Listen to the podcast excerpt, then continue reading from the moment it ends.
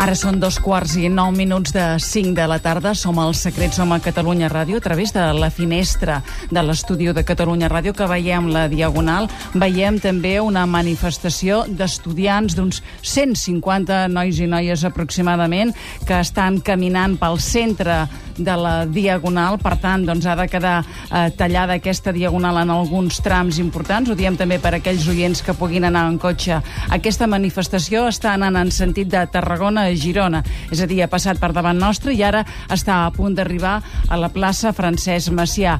És tranquil·la, van caminant. Darrere dels estudiants hi ha dos cotxes dels Mossos d'Esquadra a una velocitat molt lenta. Darrere seu com tancant la manifestació i a 100 i a 200 metres encara més enrere doncs n'hem vist dos més separadament, això que dèiem, com tancant-la. Mentrestant, els nostres oients continuen opinant amb opinions per a tots els gustos. Eh? També trobem algunes opinions que diuen que de la mateixa manera que no es pot acampar en algun altre lloc i no, es pot, i no hi poden haver-hi ocupacions, no pots, pots tenir un ocupa eh, en, en el teu pis, eh, doncs tampoc es pot ocupar l'espai públic, tot i que la major part de les intervencions el que estan criticant potser no s'entra tant amb això, sinó amb la manera en què s'ha desallotjat aquest matí a la plaça Catalunya. Trànsit, David Ubach, bona tarda. Bona tarda, Sílvia. Veus carrers tallats? Què veus tu aquí al centre aquest que tens de trànsit? Doncs el que veiem, les càmeres arriben fins tot just a, a la sortida de Barcelona per la Diagonal, però sí que fent un zoom doncs veiem, per exemple, que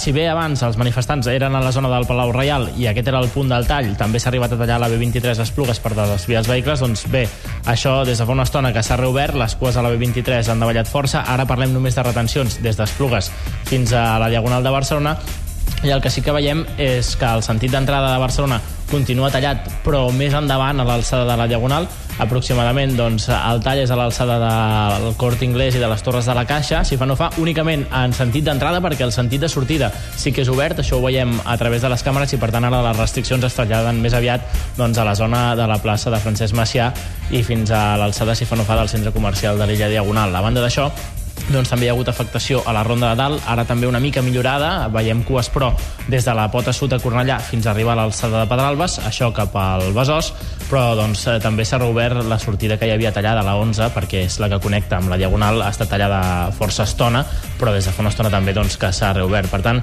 pel que fa a cues, això sí, podem dir que el pitjor passat, ara molt en compte, doncs, perquè la zona d'influència de la plaça Francesc Macià i també doncs, d'aquest tram de Diagonal comprès entre l'illa Diagonal i la plaça Francesc Macià encara amb restriccions principalment d'entrada a Barcelona. Per tant, mireu d'evitar apropar-vos amb el cotxe Molt bé, tota gràcies, David Ubach, per aquesta informació eh, que volíem ara donar d'última hora perquè hem vist la manifestació just a, a través dels vidres de, aquí de l'estudi de Catalunya Ràdio. Gràcies, David. Parlem més tard amb tu.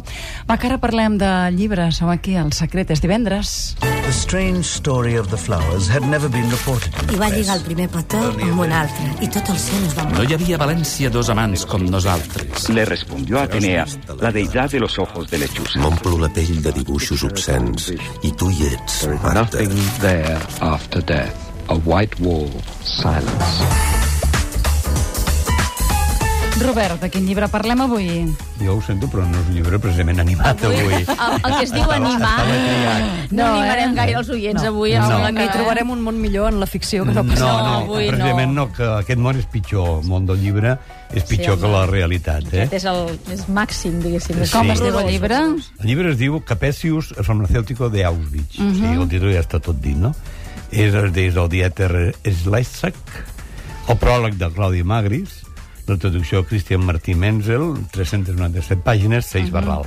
Bé, és una novel·la...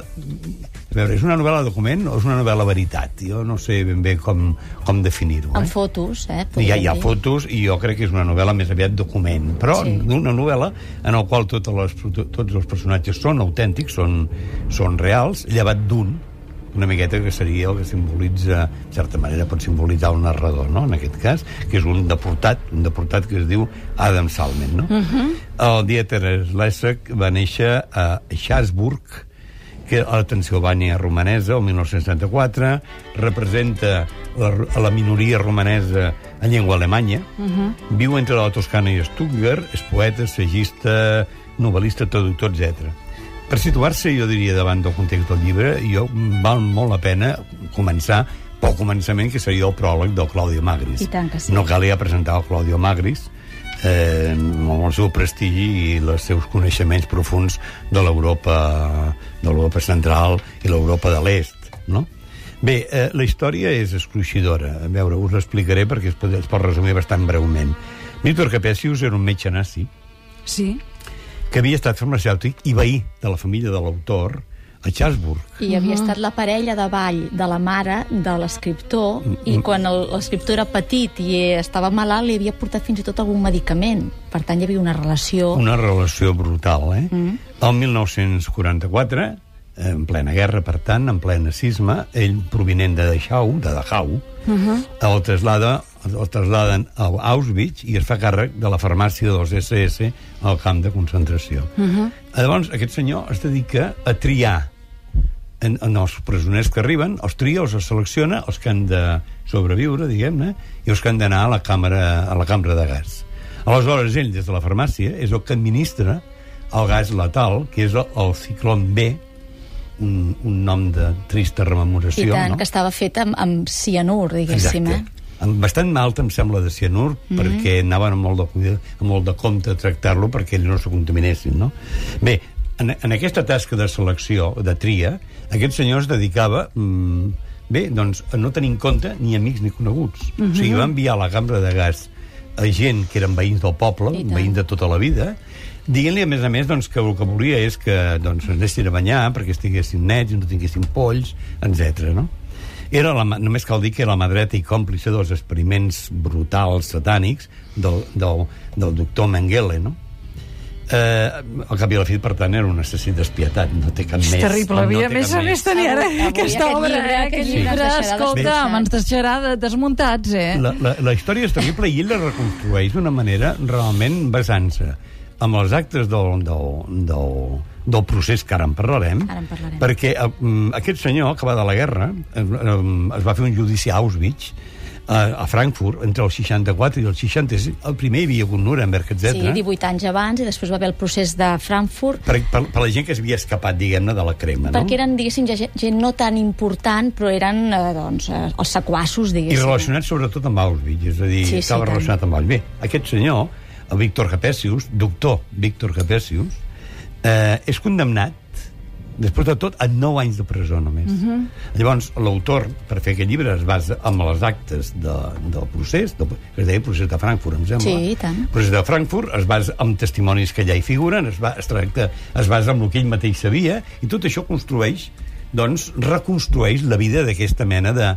No, no crec que mm, puguem tenir un qualificatiu per un, per un ser així, no? I aquest Però- senyor, a més a més, quan va acabar a Auschwitz, aquest farmacèutic va muntar una farmàcia, Sí, sí, va tant. muntar un centre d'estètica per, per les dones, No, es no? guanyava molt bé la vida, va fer una fortuna, i després el van descobrir. Però... Van descobrir i van posar 9 anys de presó. Només nou. Quan vas, 9 anys només de presó. Quan va sortir de la presó, naturalment, va viure tranquil·lament a Alemanya, fins que va morir. Eh? Exacte. És com un final feliç, com un happy end, no? El 85. El sí, 85 va morir. Uh -huh. eh, no, no, com no, si no hagués passat res. Per tant, el llibre, el llibre, per això dic, no és un llibre agradable, perquè a més a més té aquest punt com de, mm, de, de, com de malícia implícita, no? L'escoltem un momentet? Sí, sí. Va, som-hi.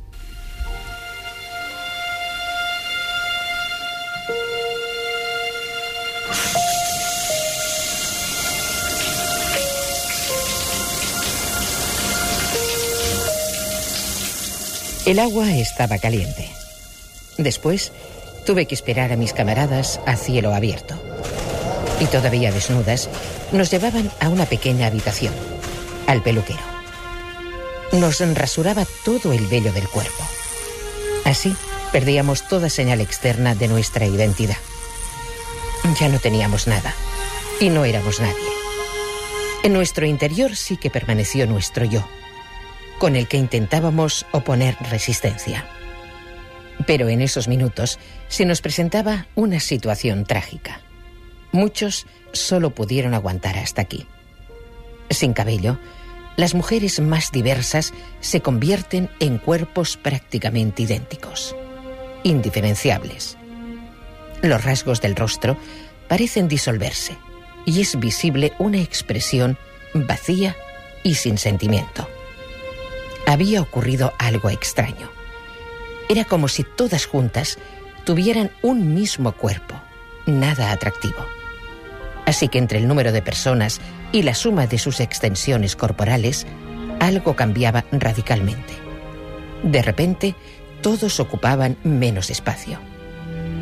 Constituíamos una masa insignificante. ¿Había desaparecido nuestro aura? La dimensión espiritual del individuo parecía que ya no tenía cabida. Al mismo tiempo, parecía disminuir un peso, el del yo. Ya no había historia, ni lazos, ni pasado, ningún nombre. Las niñas, que hasta entonces no habían parado de llorar, ya no podían aguantarse de la risa. Risa por esas cómicas figuras de sus amigas. Las llamaban por su nombre, como si éste se hubiera marchado lejos, sorprendidas de que un cuerpo sin rostro reaccionara. Surgía la histeria, las risas, gritos agudos, berreos, también abrazos salvajes. Algunas hunden su rostro en las manos, ruedan por el suelo, gimiendo. Uau. Uau, sí, sí. veure, eh? M'ha costat molt trobar un fragment que no fos... Aquest és el menys impactant, potser, Sí. perquè realment hi ha imatges esborronadores en Però de aquest tota manera llibre direu que això ho hem cruels. sentit moltes vegades, malauradament, Sí, ho hem sí. llegit moltes vegades, que ho hem vist moltes vegades, i que aquest, naturalment, és un llibre que jo crec que ocupa un lloc de privilegi dintre d'aquesta d'aquesta d'aquesta bibliografia de la infàmia. Ara bé, jo crec que sempre cal llegir una enèsima vegada perquè, perquè cada, cada testimoni d'aquests és un testimoni que, valgui la redundància, que hem de tenir en compte, no? Va, que- Perquè un cas com aquests cap, capecius, sí? bé, jo no, sincerament no el coneixia, o sigui que hi havia Que llegit testimonis de militars, de CS i tal, però, però d'un home d'un cinisme tal, em sembla Era difícil sàdic, de... un sàdic, era, diguéssim. Era, diríem, que, diríem, hi ha gent que pot dir que és un malalt, jo crec que no són malalts, és a dir, hi ha gent, hi ha gent Dolenta. Sí, biològicament bi, biològicament tarada, vaja. Va, que volem regalar aquest llibre i d'altres, 932017474. Feu atenció. Què ens ha dit avui en Robert i quines preguntes fas? I com Rosa que la Maria? setmana passada no vam fer concurs, he fet preguntes molt senzilles. Va, primera pregunta.